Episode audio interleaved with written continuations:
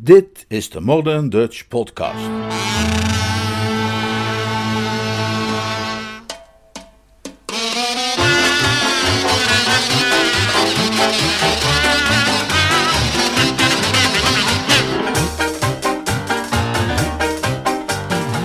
Geluk in de morgen. Een splinternieuwe vertaling van Joy in the Morning. Een Jeeves-roman van P.G. Woodhouse. Vertaald en voorgelezen door Leonard Beuger.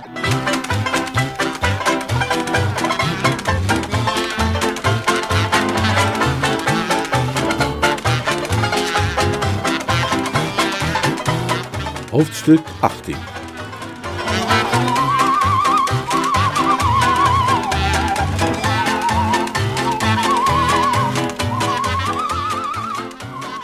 Florence was duidelijk in de greep van een krachtige emotie.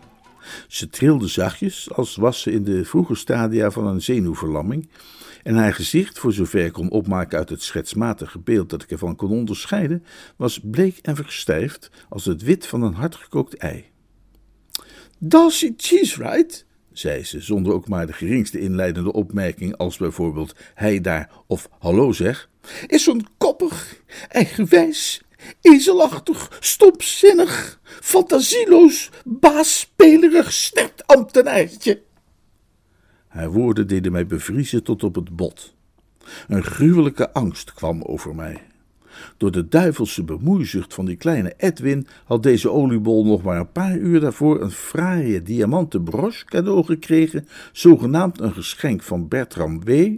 En daarbovenop had ze ruzie gekregen met Stilton, en wel dermate substantieel dat ze er zes verschillende bijvoeglijke naamwoorden voor nodig had gehad om hem te kenschetsen.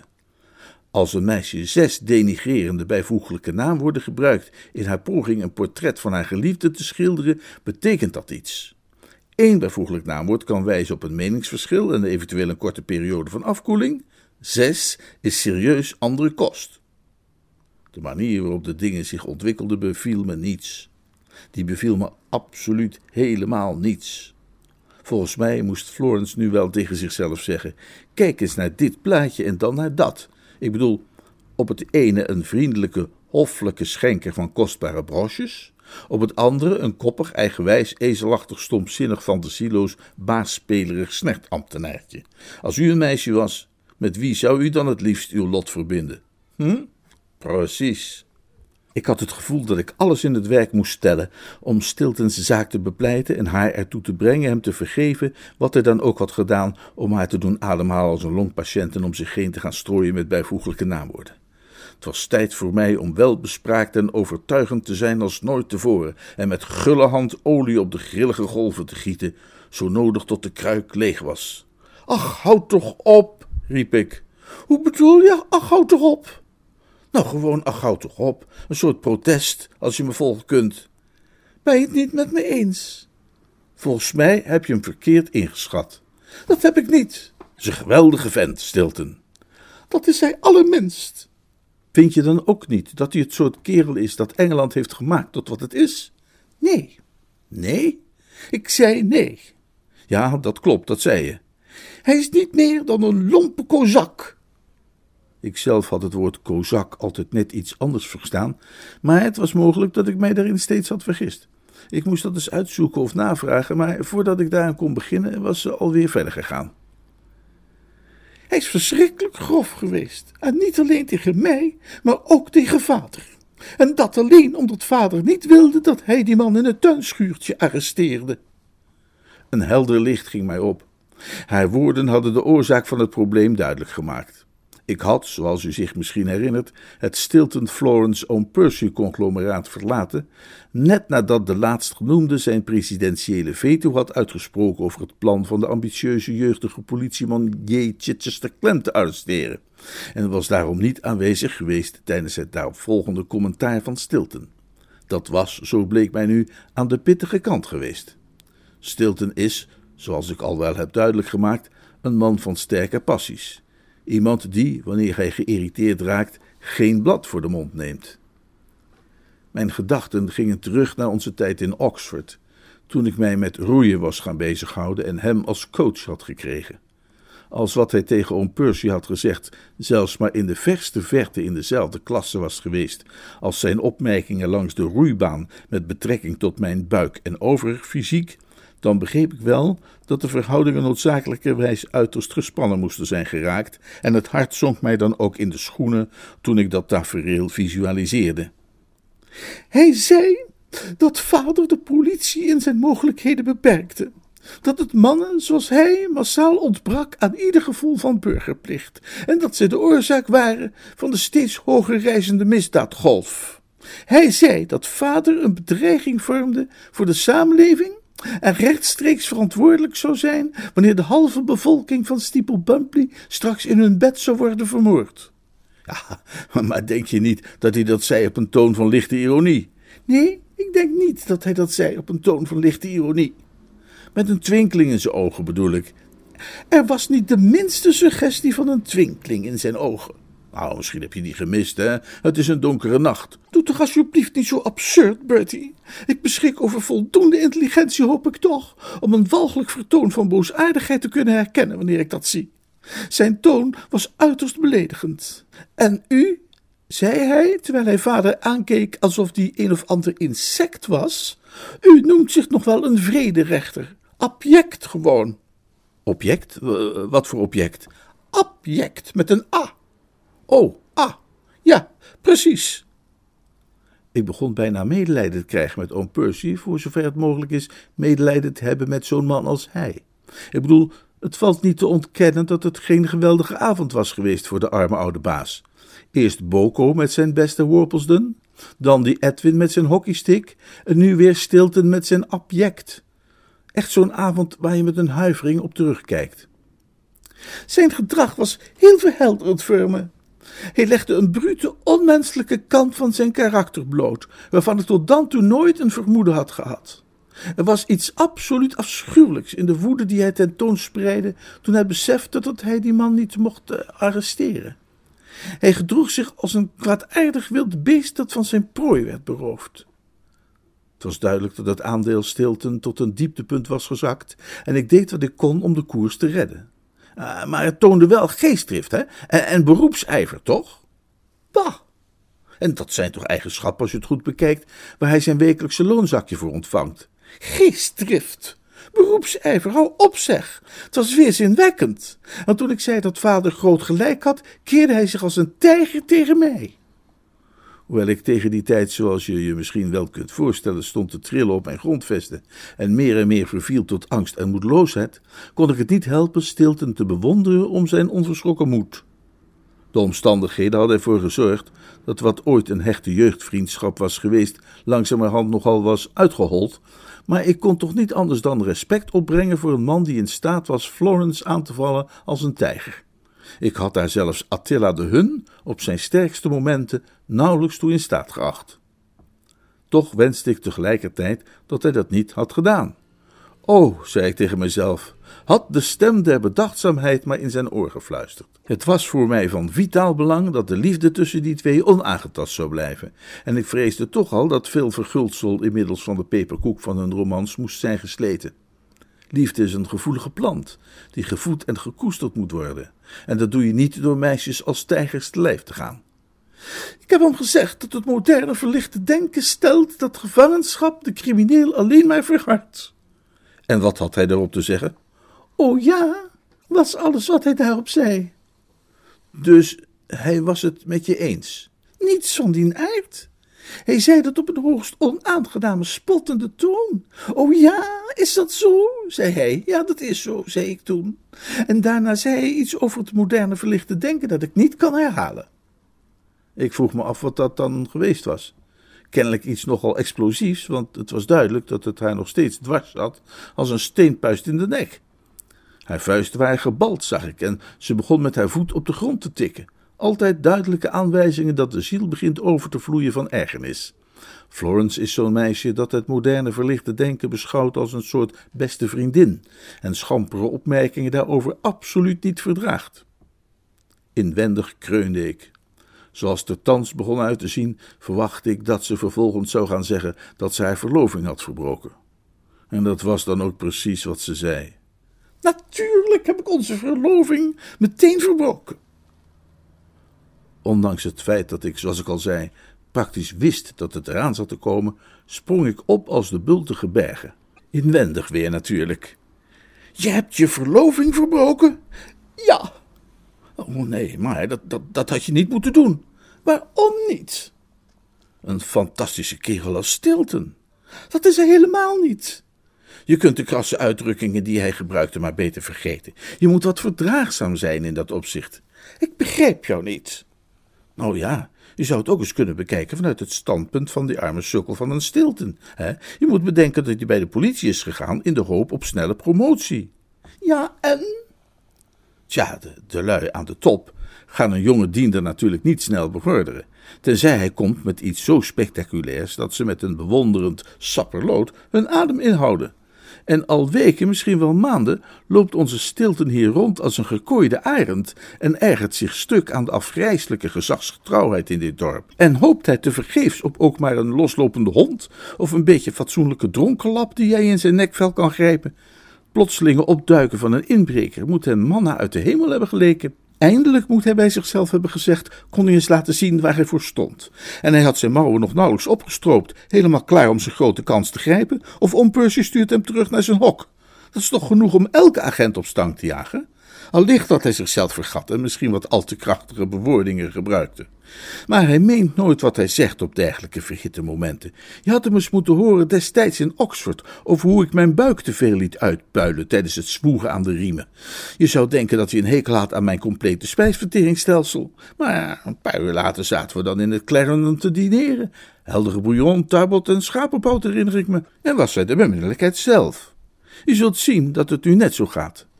Ik durf te wedden dat de vroeging al aan hem knaagt en er niemand meer spijt heeft dan hij over de vervelende dingen die hij heeft gezegd met betrekking tot het moderne verlichte denken. Hij houdt oneindig veel van je. Dat is officieel een feit, dat weet ik toevallig. Dus wat ik zou willen voorstellen is dat je eenvoudig naar hem toe gaat om te zeggen dat alles is vergeten en vergeven. Alleen zo kun je voorkomen dat je een blunder begaat, de herinnering waaraan je in de loop der jaren zal blijven achtervolgen. Als je stilten de bons geeft, zul je jezelf de rest van je leven verwijten blijven maken. De geweldigste vent die ik ken. Ik zweeg, deels om op adem te komen en deels omdat ik vond dat ik genoeg had gezegd. Terwijl ik op haar antwoord wachtte, wenste ik vooral ook dat ik een keelpastille had om op te sabbelen. Tja, ik weet niet welke reactie ik precies van haar had verwacht. Misschien het laten hangen van het hoofd en het vloeien van de stille traan, terwijl de waarheid van mijn woorden langzaam tot haar wezen doordrong. Misschien ook de bekentenis dat ik haar had kunnen overtuigen met mijn woorden. Wat ik absoluut niet had verwacht, was dat ze me zou kussen. En nog wel met een onstuimigheid die me bijna ter plekke deed bezwijken. Bertie, wat ben jij toch buitengewoon? Ze lachte Iets wat ik op dat moment niet had gekund, al werd ik er rijkelijk voor betaald. Zo goedmoedig! Dat is waar ik bij jou zo van hou. Niemand die jou had horen praten, zou ik maar hebben kunnen dromen dat het je liefste wens is om zelf met mij te trouwen. Ik probeerde iets te zeggen, maar het lukte niet. Mijn tong was volkomen verknoopt geraakt met mijn huig en mijn hersenen leken verlamd. Mij overviel hetzelfde verbijsterde gevoel dat, naar ik veronderstel, Chichester klem moet hebben ervaren toen de deur van het tuinschuurtje dichtsloeg en hij hoorde hoe Bogo daarbuiten begon te jodelen. Het nachtmerrieachtige gevoel niet meer te zijn dan een hulpeloze pion in de handen van het lot. Ze stak een arm door de mijne en begon me uitleg te geven als een schooljuffrouw die een achtelijke leerling de eerste beginselen van het eenvoudig rekenen probeert bij te brengen. Dacht je dat ik het niet had begrepen? Mijn lieve Bertie, ik ben niet blind. Toen ik onze verloving verbrak, veronderstelde ik uiteraard dat je me zou vergeten. Dat je misschien boos zou zijn en verontwaardigd en harde, bittere klachten aan mij zou wijden. Vannacht heb ik beseft hoezeer ik het bij het verkeerde eind heb gehad. Het was die broche die je me gaf, die mij de ogen opende voor jouw ware gevoelens. Je had me helemaal geen verjaarscadeau hoeven geven, tenzij je me wilde laten weten dat je nog steeds om me gaf. En om mij er dan een te geven dat zo absurd duur is. Natuurlijk wist ik meteen wat je me probeerde te vertellen. Het paste allemaal zo overtuigend bij al het andere dat je had gezegd. Dat je Spinoza aan het lezen was, bijvoorbeeld. Je had mij verloren naar je meende, maar je bleef toch goede literatuur bestuderen, omwille van mij. En ik trof je in die boekwinkel waar je was om mijn roman te kopen. Ik kan je niet vertellen hoezeer mij dat raakte. En als gevolg van die toevallige ontmoeting kon je jezelf er niet van weerhouden naar Steeple te komen, zodat je wellicht nog een enkele keer bij mij in de buurt kon zijn. En vannacht sloop je naar buiten om in het sterrenlicht onder mijn raam te staan. Nee, laten er niet lange misverstanden tussen ons bestaan. Ik ben dankbaar dat ik op tijd de betekenis heb kunnen inzien van jouw verlegen toenaderingen. En dat het ware gezicht van Darcy Cheesewright mij is onthuld voordat het te laat was. Ik word jouw vrouw, Bertie. Hier leek niet veel anders op te zeggen dan: Oh, uh, dank je wel. Dat zei ik dan ook en daarmee eindigde ons gesprek. Ze kuste me opnieuw, sprak haar voorkeur uit voor een rustige bruiloft met enkel wat familieleden en intieme vrienden en stekkerde er vandoor.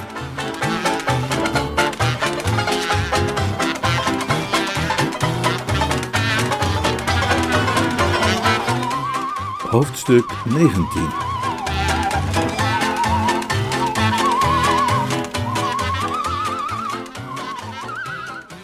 Zelf vertrok ik niet meteen. Het was al laat en mijn bed wachtte op me chez Boko, maar geruime tijd bleef ik als aan de grond genageld staan en staarde verdwaasd in de duisternis. Kleine gevleugelde wezens van de nacht botsten tegen mijn gezicht en stuitten er weer vanaf, terwijl anderen het vlak achter mijn nek als schaatsbaan gebruikten, maar ik hief zelfs geen hand op om hun feestvreugde te storen. De gruwelijke ramp die mij was overkomen had me praktisch in een zoutpilaar veranderd. Ik betwijfel of de nachtvlinder, of wat het ook was dat Zweedse oefeningen aan het doen was in en om mijn linkeroor, er ook maar het minste idee van had dat hij in feite geland was op het corpus van een ooit alleszins levendige jonge bon vivant. Hij hield mij voor een boom waarschijnlijk, of misschien zelfs voor een kale rots. Weldra keerde het leven echter terug in mijn verstijfde ledematen, en moeizaam zocht ik mijn weg de oprijlaan af en de poort uit, om uiteindelijk voor Boko's deur te belanden. Die was open en ik sleurde mezelf naar binnen. Er brandde licht aan het eind van de gang en daar richtte ik mij op, en zo bereikte ik tenslotte de zitkamer. Boko zat in een fauteuil met zijn voeten op de schoorsteenmantel en een glas in zijn hand. De aanblik van een tweede glas, een sifon en een karaf trok me als een magneet naar de tafel. Het geluid van het glas dat werd volgeschonken leek mijn gastheer uit zijn mijmeringen te wekken, waardoor hij zich nu pas bewust werd van mijn aanwezigheid. Oh, bedien je gerust, zei hij. Bedankt, man. Hoewel het me verbaast dat je het hart hebt om te drinken, na wat er vannacht is gebeurd. Hij sprak koeltjes en ik voelde een duidelijke afstandelijkheid in zijn manier van doen toen hij de fles pakte om zijn glas bij te vullen. Hij keek me even aan alsof ik een rups was in een salade waarvan hij juist een hap wilde nemen en hij nam het woord. Ik heb Nobby gesproken. Oh ja? Ja, zoals ik had verwacht, heeft ze liters en liters gehuild. Oh, dat spijt me. En terecht. Het jouw hand die hij die parelglanzende droppen uit de oog heeft gevrongen. Nou, kom op zeg. Het heeft geen zin om nou kom op zeg te zeggen. Je hebt toch een geweten, neem ik aan, hè? Dan moet je dat hebben duidelijk gemaakt dat jij rechtstreeks verantwoordelijk was voor die tsunami. Och, als ooit iemand me verteld had dat Bertie Woester mij zo in de steek zou laten. Ja, dat heb ik je eerder horen zeggen. En dat zal ik ook blijven zeggen zelfs tot zeventig maal zevenmaal.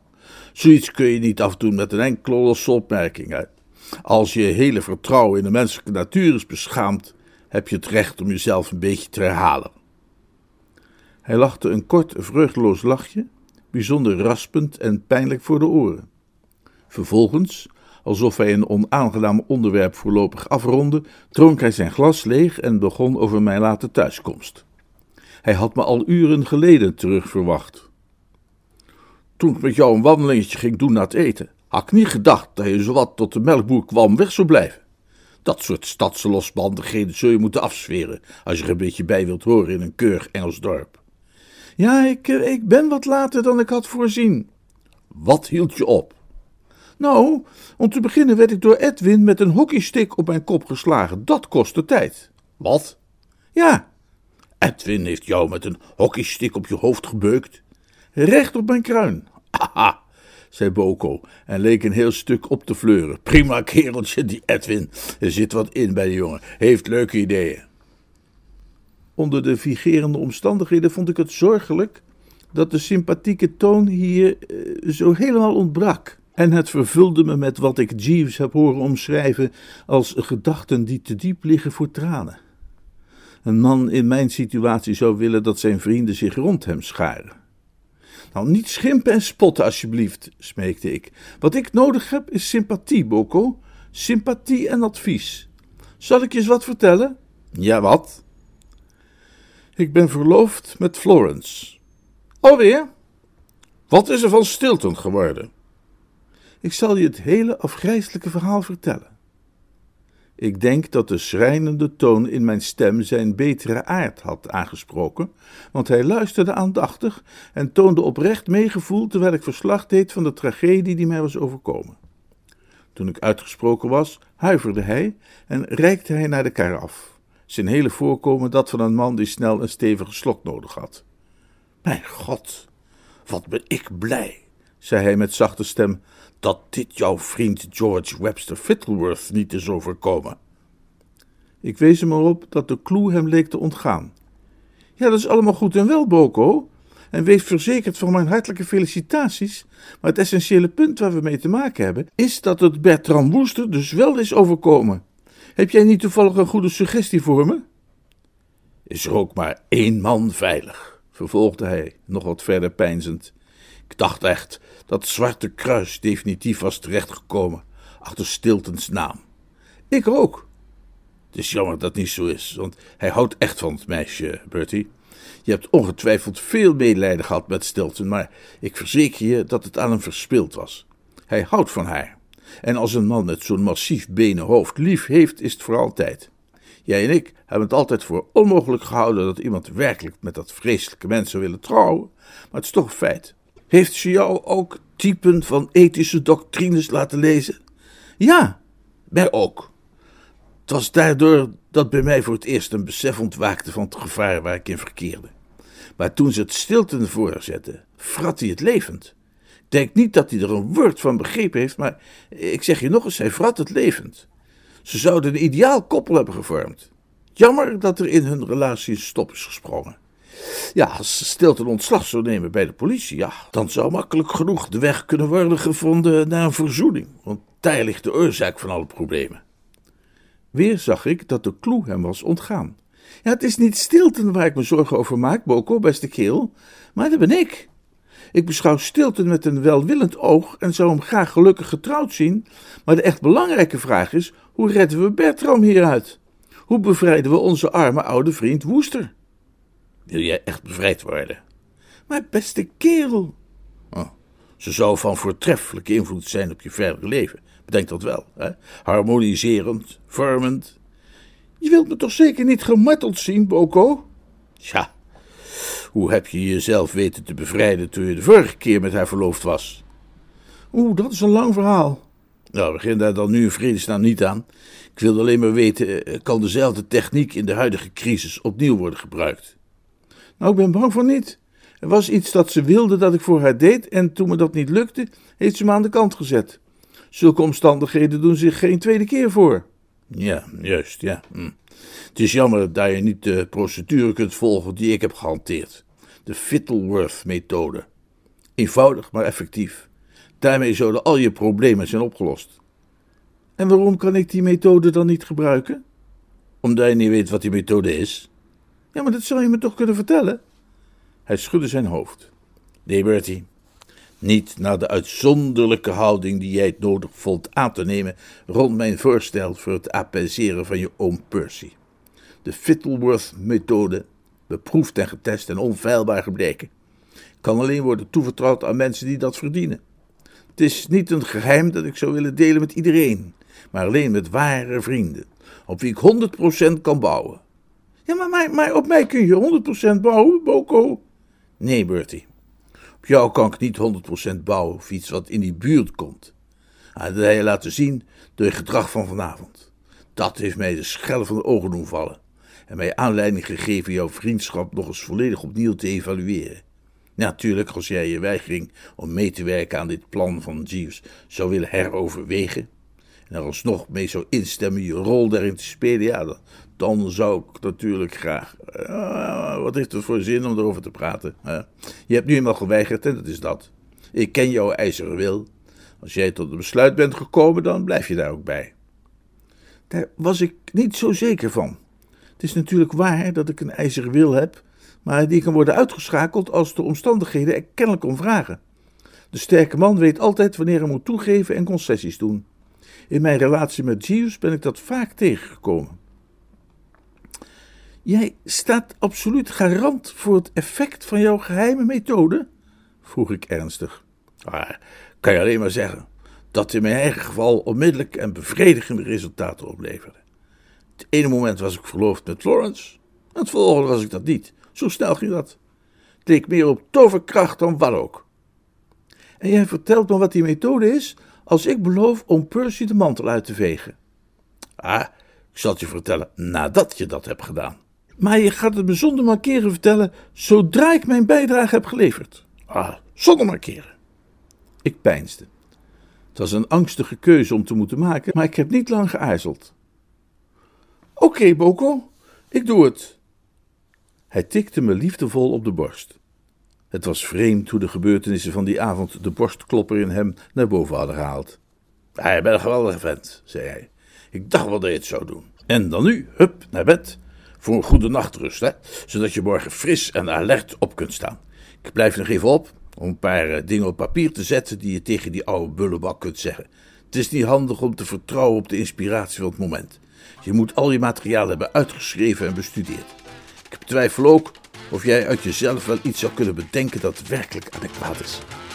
Dit is een van die gelegenheden waarbij je de literaire toets niet kunt missen.